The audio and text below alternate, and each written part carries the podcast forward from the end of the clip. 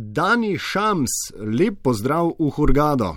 Lep pozdrav Slovenija, lep pozdrav iz vroče, tople in večno sončne Hurgade. Interesantno ime. Najprej, uh, kje, kdaj ste izgubili končnico imena in oba prijimka, a Šams kaj pomeni ali je samo krajše in slajše. To je nekako moj nickname, ne, se reče.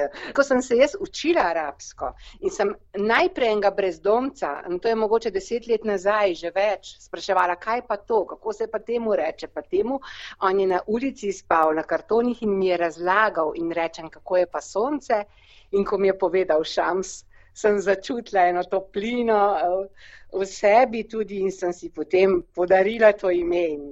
Moje ime osnovno je Danica in vsi prijatelji me kličijo Dani in tako sem dodala eh, tem skrajšenemu imenu še Šams. Uh mhm. -huh. Dani Šams in se čisto poistovetim s tem imenom uh mhm. -huh. zdaj.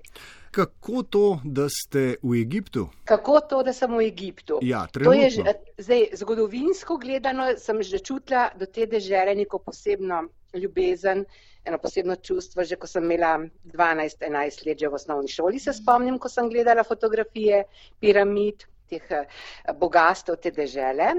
Potem sem rasla in posvečala družini in ustvarila eno svojo kariero. In ko potem dobiš že vnuke, ko prideš v eno tretje življenjsko obdobje, kot se temu reče, spet mogoče poiščeš svoje prvobitne korenine ali želje, ene posebne občutke, kje bi rad bival, kako bi rad živel, s kom, kje. In tako sem prišla pač do te točke, da obiščem to deželo. To je bilo pa pred 12 leti, 13 zdaj. Zadnjih 12 let uh, potujete v Egipt, ne živite nekako malo tu, malo tam, če prav razumem. Tako je, uh mhm. -huh. tako je. Seveda, jaz sem uh, še pred 13 leti imela obveznosti v Sloveniji, sem bila zelo aktivna, zelo delovna. Zdaj pa že lahko rečem po tolkem času, da žanjem sadove svojega dela. Tako da sem prej hodila sem samo za dva tedna, teden, tudi z družino, raziskovala to deželo, spoznavala ljudi, spoznavala kulture, se kar dobro znašla in dosti krat sem tudi sama šla sem, da sem eh, spostavljala pač odnose, kontakte z ljudmi. In zdaj sem pa eh, prišla lanskega januarja in potem je prišla ta korona, tako da eh, sem kar ostala. Na zadnje sem bila v Sloveniji oktobra in sem bila samo tri tedne nisem zdržala žal več te spremembe in te, te situacije, ki je pri vas in sem 7. novembra priletela nazaj. Na situacijo pri nas, kot ji pravite, ne, eh, gledate tudi od zunaj in eh, glede na to, da ste namignili, da ste po nekaj tednih ugotovili, da ne morete zdržati v tej situaciji, o čem govorite? O čem govorim? Govorim o tem, da ljudje se hitro privadimo na način življenja, se adaptiramo kar hitro. To se pravi, jaz sem tukaj bila od januarja pa do oktobra, ko sem letela v Slovenijo, v popolni svobodi, nisem občutila nobenih pritiskov, vedela sem, da je korona, vsi smo to vedeli, celo policijsko uro smo imeli in lokali so eh, se zaprli ob 11. polnoči. Smo imeli neki ukrepov, ja. vendar pa ni nihče od nas pričakoval, da bi se uh, morali ukloniti ali pa da bi nas zastrahovali. Ker tudi, ko uh, sporočila po medijih tukaj, uh, po televiziji, ki jo sicer ne gledam sedem let, uh, ampak poslušam glasbo, ampak vmes so reklame, ki pravijo, uh, vedno spodbujajo ljudi, da dajmo skupnimi močmi rešiti to pandemijo. Ne povdarjajo tukaj socialne distance in se prekine socialna komunikacija, bog ne daj, ampak nekako fizično, ne, da se ne dotikamo toliko ljudi, da jih ne objemamo in tako naprej. To je zelo pomembna stvar, to je beseda, ki ti ostane. Tu bo vse zrelaksirano, ne, če je to pač fizična distanca ali pa psihična, to so mhm. dve različni stvari, ne socialna, to je bistveno druga beseda. Ne? Uhum. Tako nekako smo tukaj neobremenjeni, kljub temu, da je virus. 120 milijonska država je imela po podatkih takrat lansko leto 1500 na dan recimo okuženih, ampak se ne vemo, koliko je bilo pa testiranih in tako naprej, ker je dosti revščine tukaj in ljudje živijo po vaseh prejšnji mesec jih je bilo 100 na dan, zdaj le 500, 400, 300 in kao pokojnih ali pa umrlih pa okrog 50. Uh -huh. A moža ste pa potem kar doma oziroma tu pri nas pustili? Mož je šel z mano oktobra, sva letela skupaj in potem sem pa jaz rekla, ko je bila ta situacija prehuda za me, ker za me osebno, jaz govorim zdaj o meni, kaj čutim, je ja. svoboda najbolj pomembna potreba za me. Ko sem jaz v Sloveniji videla, da ne morem se premakniti iz mesta v drugo mesto, ko lahko samo hodim v gost in nazaj in da lahko snamem masko na zelenih površinah, ko sem slišala novice, da so kaznovani ljudje, ki so dali masko dol in pojedli kifalček od otroka, enostavno me je začelo dušiti. Ne? Nisem zmogla več, tako daleč je to prišlo, da tudi spala nisem več dobro, sem se zbujala in takrat eh, sem se zavedala, da je zdravje itak na, na prvem mestu. Uh mhm. -huh. Oziroma, no, celo življenje. Pa tudi, če ga želiš deliti naprej, je verjetno pomembno. Ne? V napovedi intervjuja eh, sem povedal, da gostimo nekoga, ki je bil life coach, torej trener za osebnostno rast, recimo, eh, še preden je to postalo kul, cool, še preden se je ta dejavnost demokratizirala, recimo do te mere, da jo množično izvajajo tudi ljudje brez ustreznih kompetenc in še preden so se cilji osebnosti osebnostne rasti nekako zreducirali na materialno razsežnost, to je čimprejšnji zaslužek, ne, kot je, imam občutek vse bolj značilno za eh, panogo. No, začeli ste kot učiteljica, ne, potem pa na kratko, kaj vse ste počeli.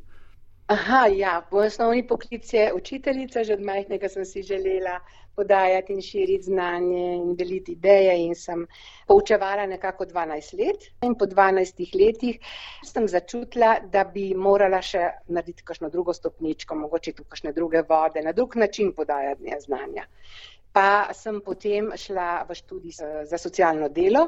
Istočasno sem pa študirala realitetno terapijo, to je privat študij, kjer je zelo konkreten in sem potem eh, ustanovila svoj svetovalni center in sem si pripravila program kot šolanje za ljudi, ki želijo eh, v sebi najti svojo moč, svoj potencial, svoje poslanstvo.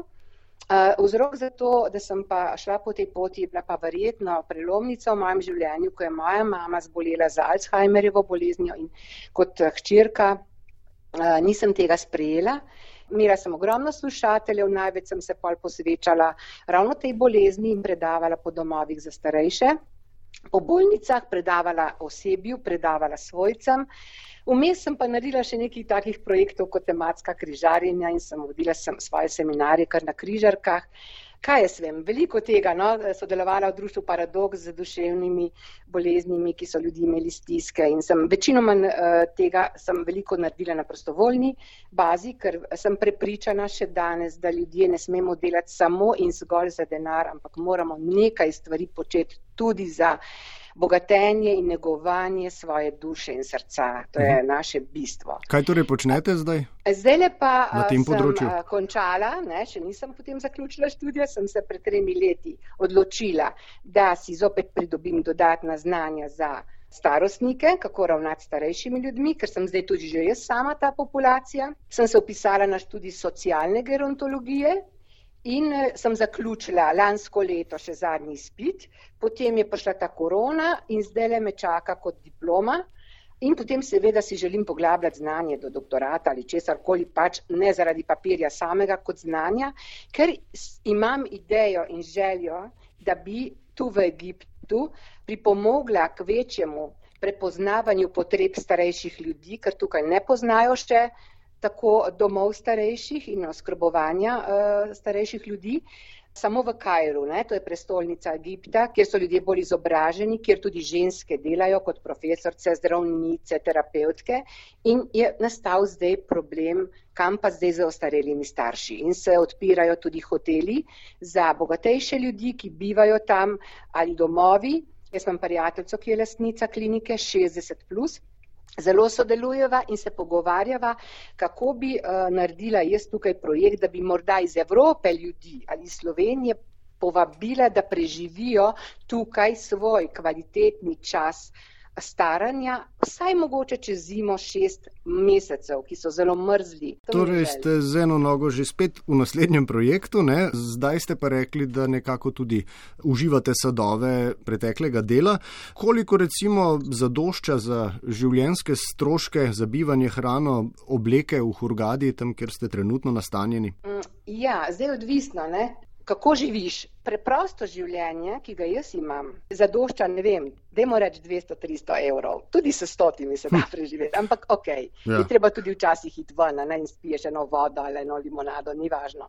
Ker so pogoji za življenje, ker je sonce, D vitamin, ne, za stojn to, ne, to je zdravje, energija. Mhm. Torej, modro nebo, kot grnem vsako jutro zavese, morje ima 26 stopinj, lahko plavaš, pomeni poskrbiš za zdravje, ker je to zelo kvalitetno življenje in še poceni. Je potem to res luksuzno življenje. Mm. Zato tukaj ni stresa. Za egipčane, ki imajo pa plačo 50-40 evrov, tudi te hotelski delavci, je pa potem tudi bitka za preživetje, tako kot je pri nas. Jaz zdaj govorim od evropskega človeka, ki živi tu. Uh -huh, uh -huh. Pa tudi po drugi strani, zdaj po vseh teh letih, ne, pa dobro poznate sceno, verjetno ste že počasi doktorirali tudi iz Barantanja. O, seveda, o, seveda, seveda sem, se razumem z vsemi, nimam nobenih težav, ker moraš ugotoviti njihov mental. To je popolnoma drugačna kultura, drugačna vira, drugačne navade, drugačno mišljenje in sem se zelo, zelo navadila jih poslušati in razumeti, ker ljudje iz Evrope nismo prišli v Afriko, da bi Afričane spreminjali. Naj bo to katerakoli država, ne samo Egipt. To je moje vodilo. Razumem in to pomaga tudi pri barantanju. To pomaga tudi pri barantanju, ker veš na kakšen način.